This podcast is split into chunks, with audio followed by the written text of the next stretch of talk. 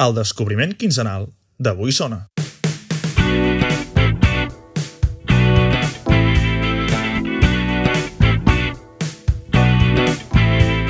Molt bones a tots i a totes. Benvinguts al descobriment quinzenal d'Avui Sona, un podcast en el que cada 15 dies es presenta al públic un nou treball o obra musical d'algun dels artistes dels països catalans, sempre amb la seva ajuda.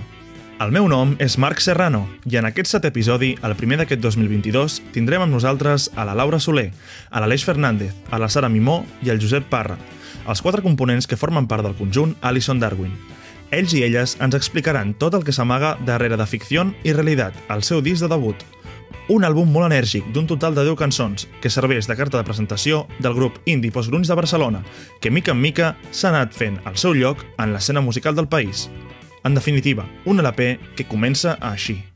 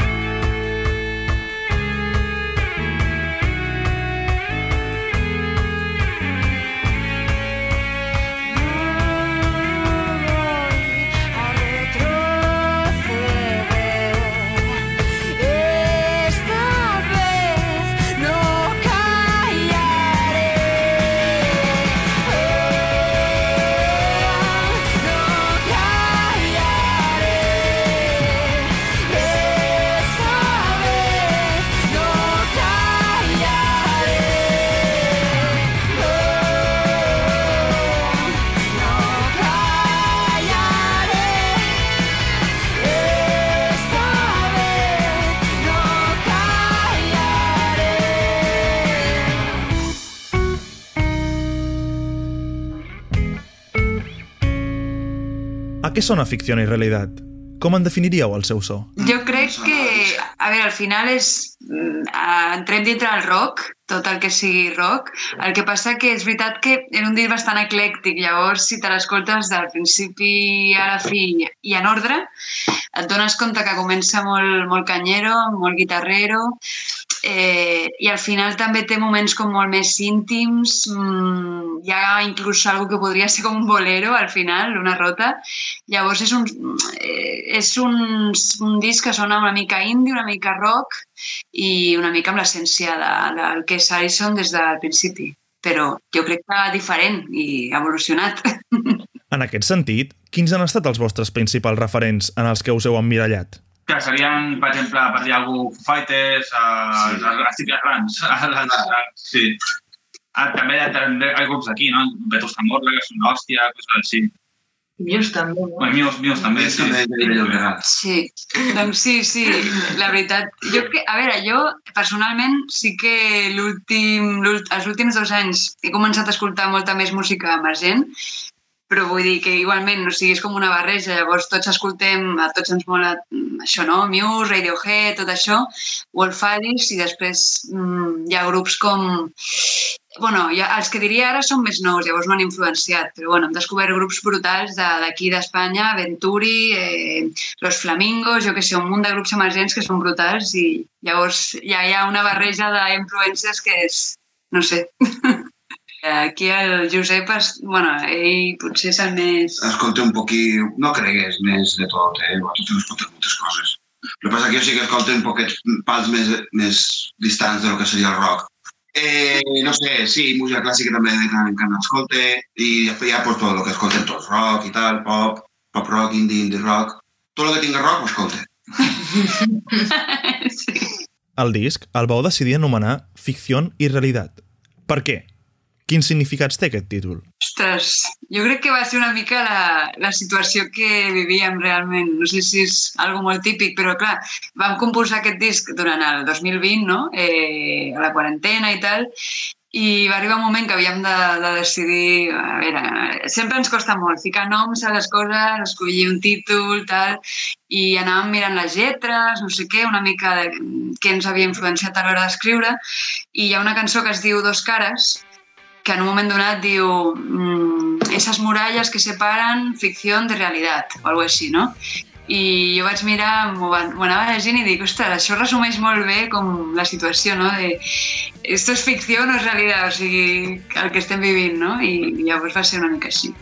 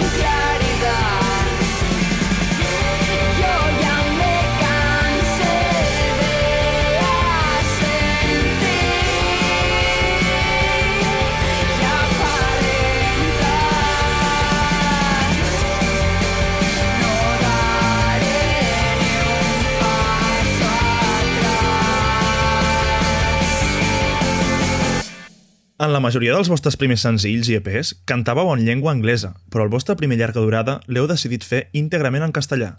A què es deu aquest canvi?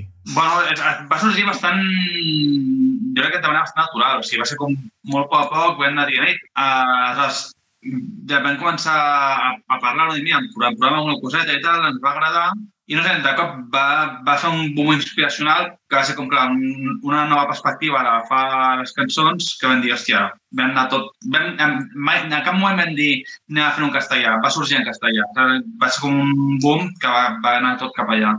Sí, va començar provant-ho i poc a poc va anar passant. Aquí en Espanya, pues, vulguis o no, en castellà sonen millor que en anglès.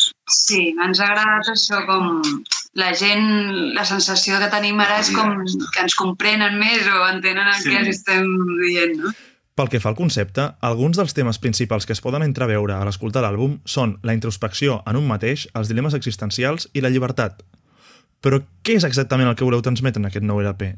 Quin és el principal missatge que s'hi amaga al darrere? És difícil. Hòstia, això no m'he estudiat. A veure, és que també he de dir que tots escrivim, llavors, a vegades, mm, realment, home, òbviament hi ha diferents punts de vista, no? De... Som persones diferents, no som aquí un, una únicament. Però, clar, sembla que estem bastant d'acord. Clar, si tinguéssim una visió super diferent de la vida tots tres, potser seria difícil. Escoltaries una cançó i escoltaries l'altra i diries m'està dient coses contràries, no té sentit, no? Però en aquest cas, no sé, mm, hi ha bastants temes, les cançons, no ens centrem en un sol tema, això és veritat, no som un grup de només parlar d'amor o només parlar de crítiques, sinó, doncs mira, una mica el que a cadascú l'inspiri a aquell moment, però no sé, el missatge principal. Jo penso que en aquest sentit és més aviat una presentació d'Alison Darwin. De, mira, això és Alison Darwin en tots els seus àmbits. Saps? A dir, Mm. si escoltes Alison sencer, igual, tens clar què, què, què són, jo crec. Sí, Que una cosa que coincidim és que no parlem de coses com, com fàcils, no? De rima fàcil i fer les coses que es fan ara. No estic dient res, eh? Ja que has comentat, Laura, que tots escriviu i componeu a Alison Darwin, com és el vostre procés de composició? Anarquia, no hi ha procés. Sí, realment és que pot passar de tot, o sigui, eh, pot ser que un dia un dels tres, jo que sé, estigui a casa, s'inspiri, gravi una línia de guitarra i de veu, eh, i això quan dic qualsevol, bueno, l'Aleix potser guitarra no farà, però el Josep toca la guitarra també i també canta, llavors tant ell com jo podem gravar, jo què sé, mira, eh, se'ns ha corregut aquesta línia de guitarra, aquesta melodia, ah, doncs jo tinc una lletra que tal, o no, ja directament la lletra, o no sé, és que no hi ha un ordre com... perquè anem més per, per això, no per inspiració, no és en plan, ara composem, hem quedat per composar i s'ha de composar, que també en podríem. Sí, però... És un sol això moment. és- Sí, és allò de...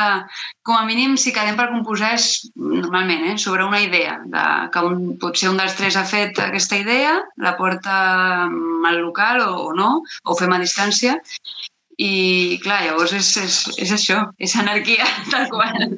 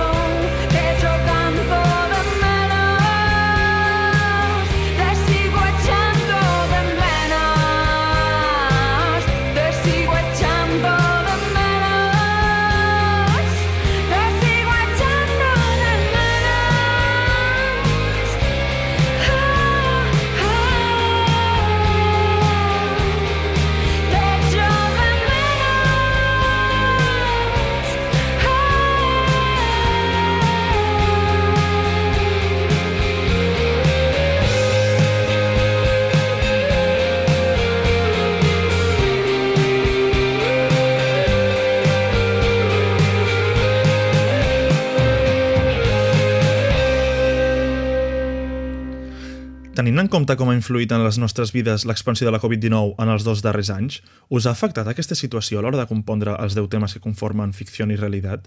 Si és que sí, de quina manera? De ràbia. De ràbia de conforme el món està actuant frente a una pandèmia mundial. Que dius, vale, la primera vegada, doncs vale, mm, és nou per nosaltres, per aquesta generació, i ens han pegat una bufeta en la cara, no? Però clar, que, nosaltres què fem? Posem l'altra perquè ens la tornen a pegar. I ara posem el cul perquè ens peguen el cul. És que eh, no, no, ensenyem, no, no ensenyem, no ensenyem, no aprenem. No aprenem, és veritat. I al final, pues, al final dels finals, pues, de tot el du al mateix lloc, saps? I, i, i també és de lo que tracten les nostres lletres un poc, no? La ciutat, de, de, de conforme està encarat tot, de, de l'estúpida que és la gent. Sí, sí. En verdad sí. Sí, és veritat, és veritat. Sí.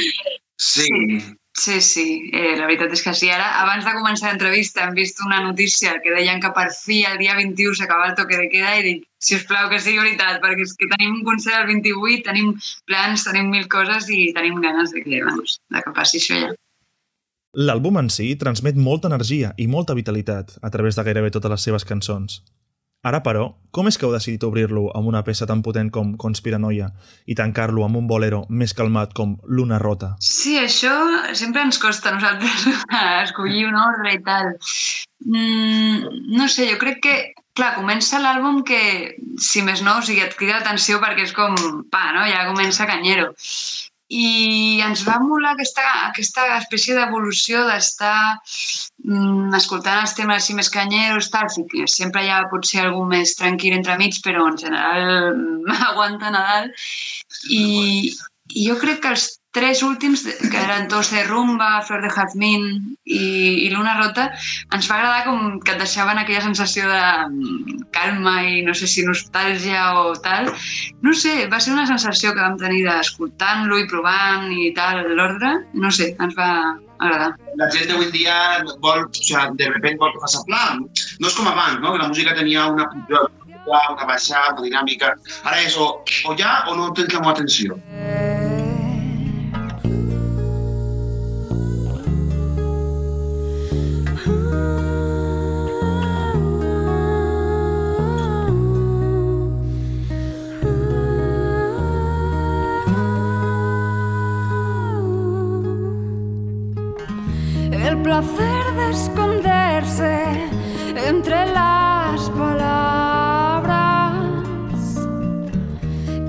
siempre te dan las mismas razones. Luna sola, ella sabe el porqué de tus lágrimas rotas por lo que no fue ayer. A la cançó Danza Macabra dieu que no hi ha pastor que us domini. Es pot considerar aquest tema com una crítica social on reivindiqueu el fet de trobar-vos lluny del ramat i de ballar la vostra manera deixant de banda les convencions i els estereotips? Creieu que avui en dia tot està massa marcat per les tendències socials i per les modes? Uh, sí, però també, més que, més, en realitat, aquest tema el, vaig, me'l vaig escriure jo i eh, jo crec que també tenia molt a veure que estàvem ple confinament i sabia que ens collons volia sortir ja a la festa, saps? És bàsicament de que pensava de fer fet ja sí que anava sortint l'altre, no? Sí, que vull sortir ja d'aquí, estic aquí atrapadíssim, saps? I, i també, sí, després és una mica el típic, no? De que no has de portar per modes i coses així, però la, la, ja vaig començar el tema pensant estic els collons d'estar a casa. Sí, crec que va començar per, el, per l'estribillo, Sí, que vaig era... començar, la primera sortida d'escrivir.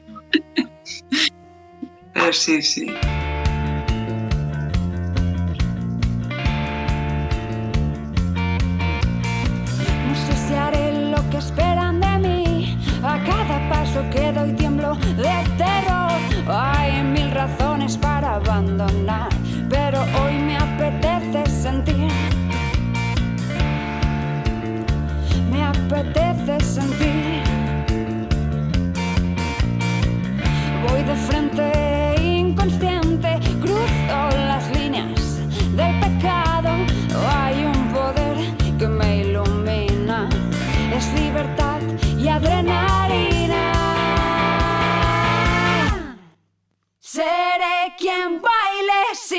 Sentido.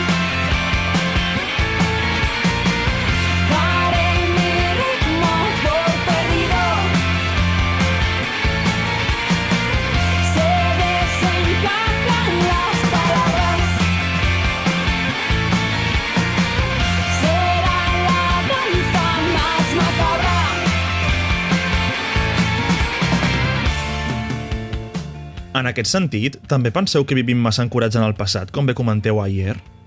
És important trobar un equilibri entre el passat, el present i el futur a l'hora de viure? Jo, aquesta cançó, realment, el que pensava era de no estar donant voltes les coses que han passat o coses així, saps? I, és a dir, òbviament sí, s'ha de, de present el passat, perquè si no estudiaríem història al col·le o coses així, no? O sigui, és important. Però jo em referia més a igual donar-li voltes a coses que tampoc tan, no té cap sentit donar-li voltes, saps? Què sé, a, a moments que potser no, no han sigut com esperaves o coses així, et quedes donant voltes, com, com tindries que haver actuat diferent o coses així, i penso, bueno, realment al final la importància que tens és que li dones i el, millor seria de donar importància.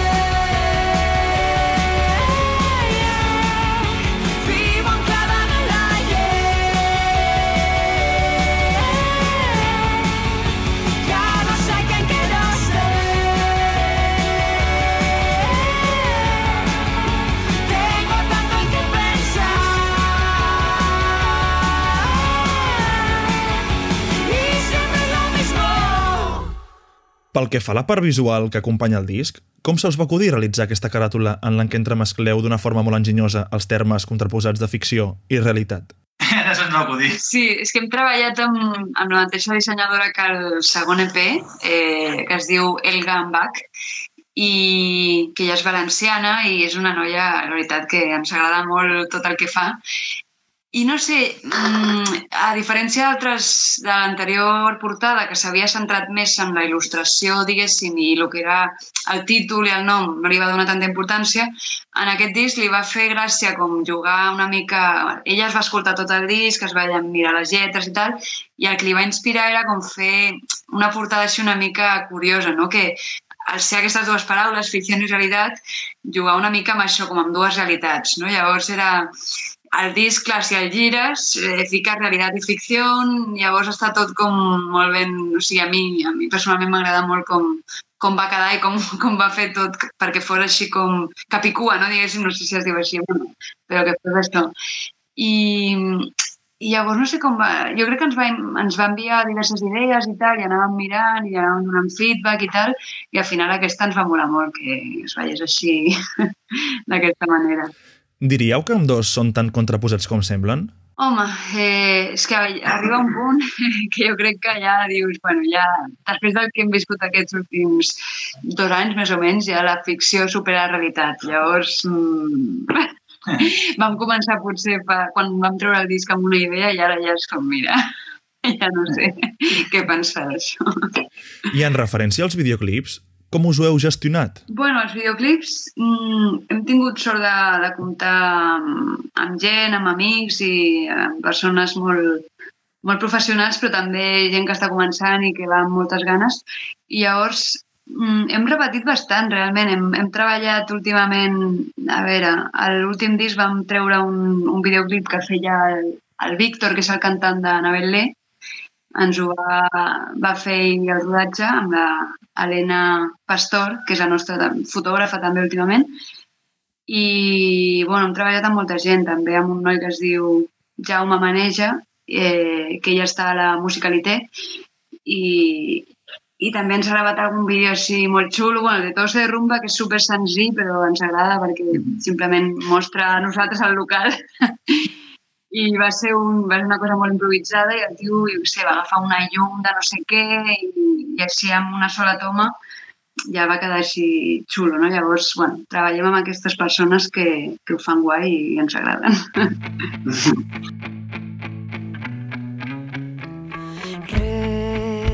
respirar aquí. Me cuesta tanto morir en sueños raros. La vida sigue sin mí entre sus brazos igual que una flor. Dejadme que teme al frío.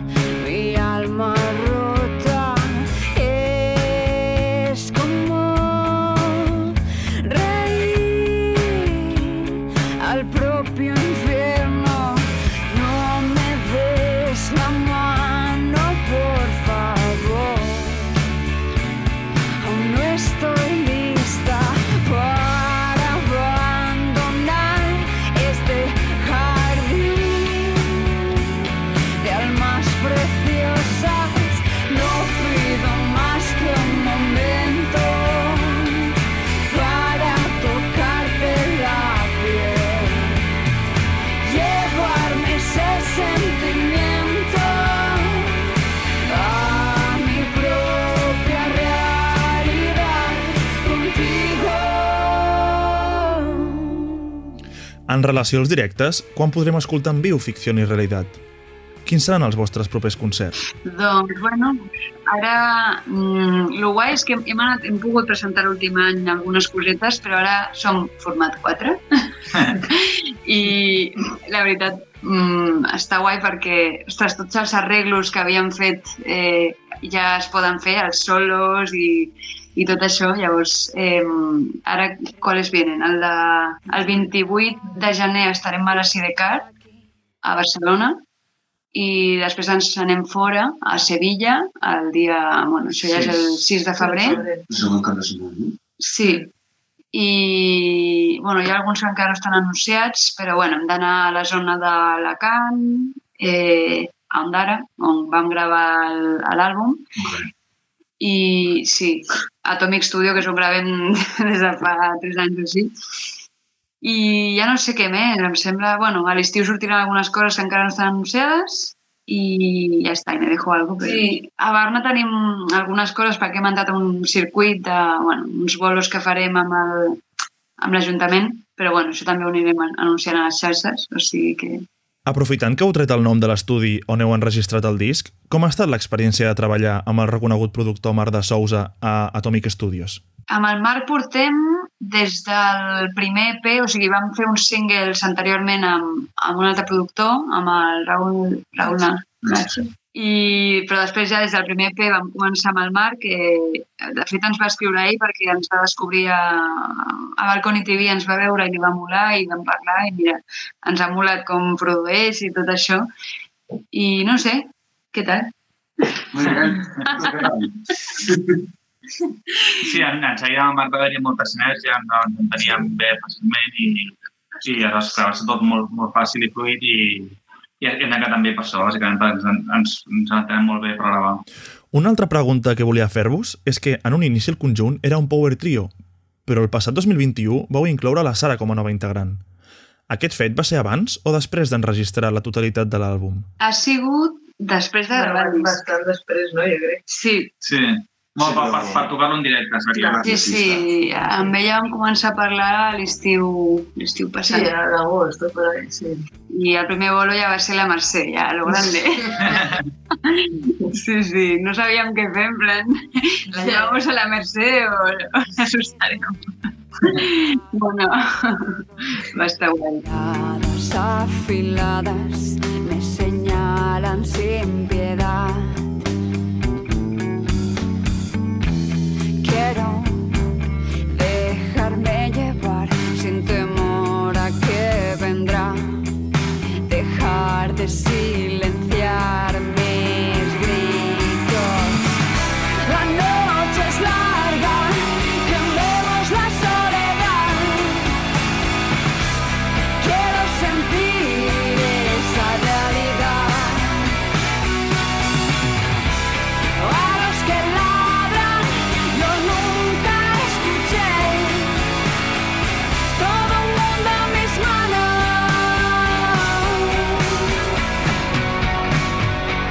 I ja us trobeu component nova música o preferiu deixar respirar una mica després de la publicació de ficció i realitat? Bueno, de fet vam treure fa poc eh, el tema Guerrera, que és un single, i d'aquí a poc en traurem un altre que ja ho anunciar a les xarxes, que és qui ho domina això.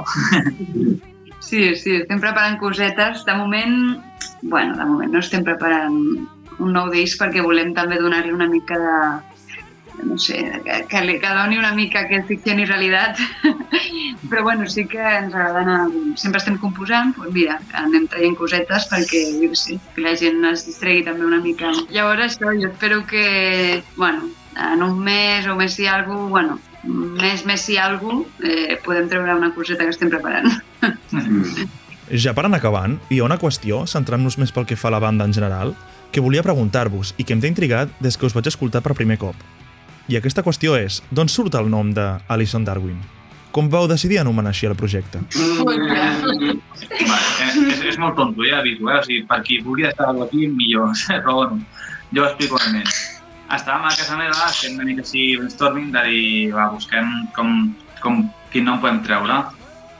I, bueno, en aquell moment tocàvem una cançó, fèiem una cover de Taylor Swift, que no és la nostra passió de Taylor Swift, però mira, aquella, aquella cançó s'agrada i fèiem la cover, i vam buscar una cosa d'ella que no sàpiga. Vam veure que es diu Taylor Allison Swift, i en aquell precís moment va passar el gos de la meva germana, que es diu Darwin, i vam dir Allison Darwin, ja està.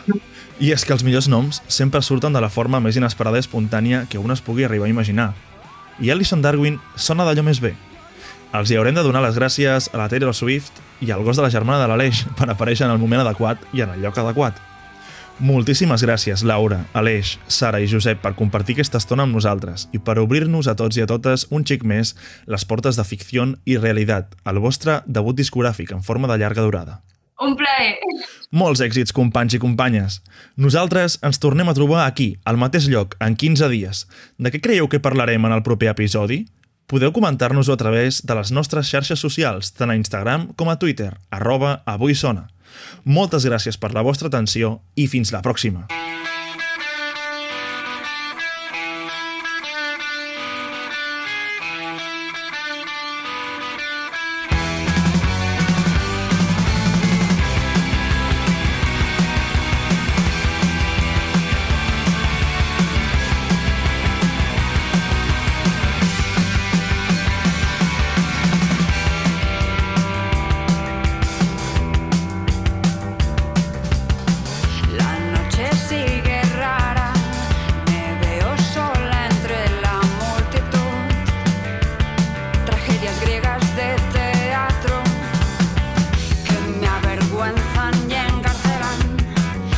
Begoña.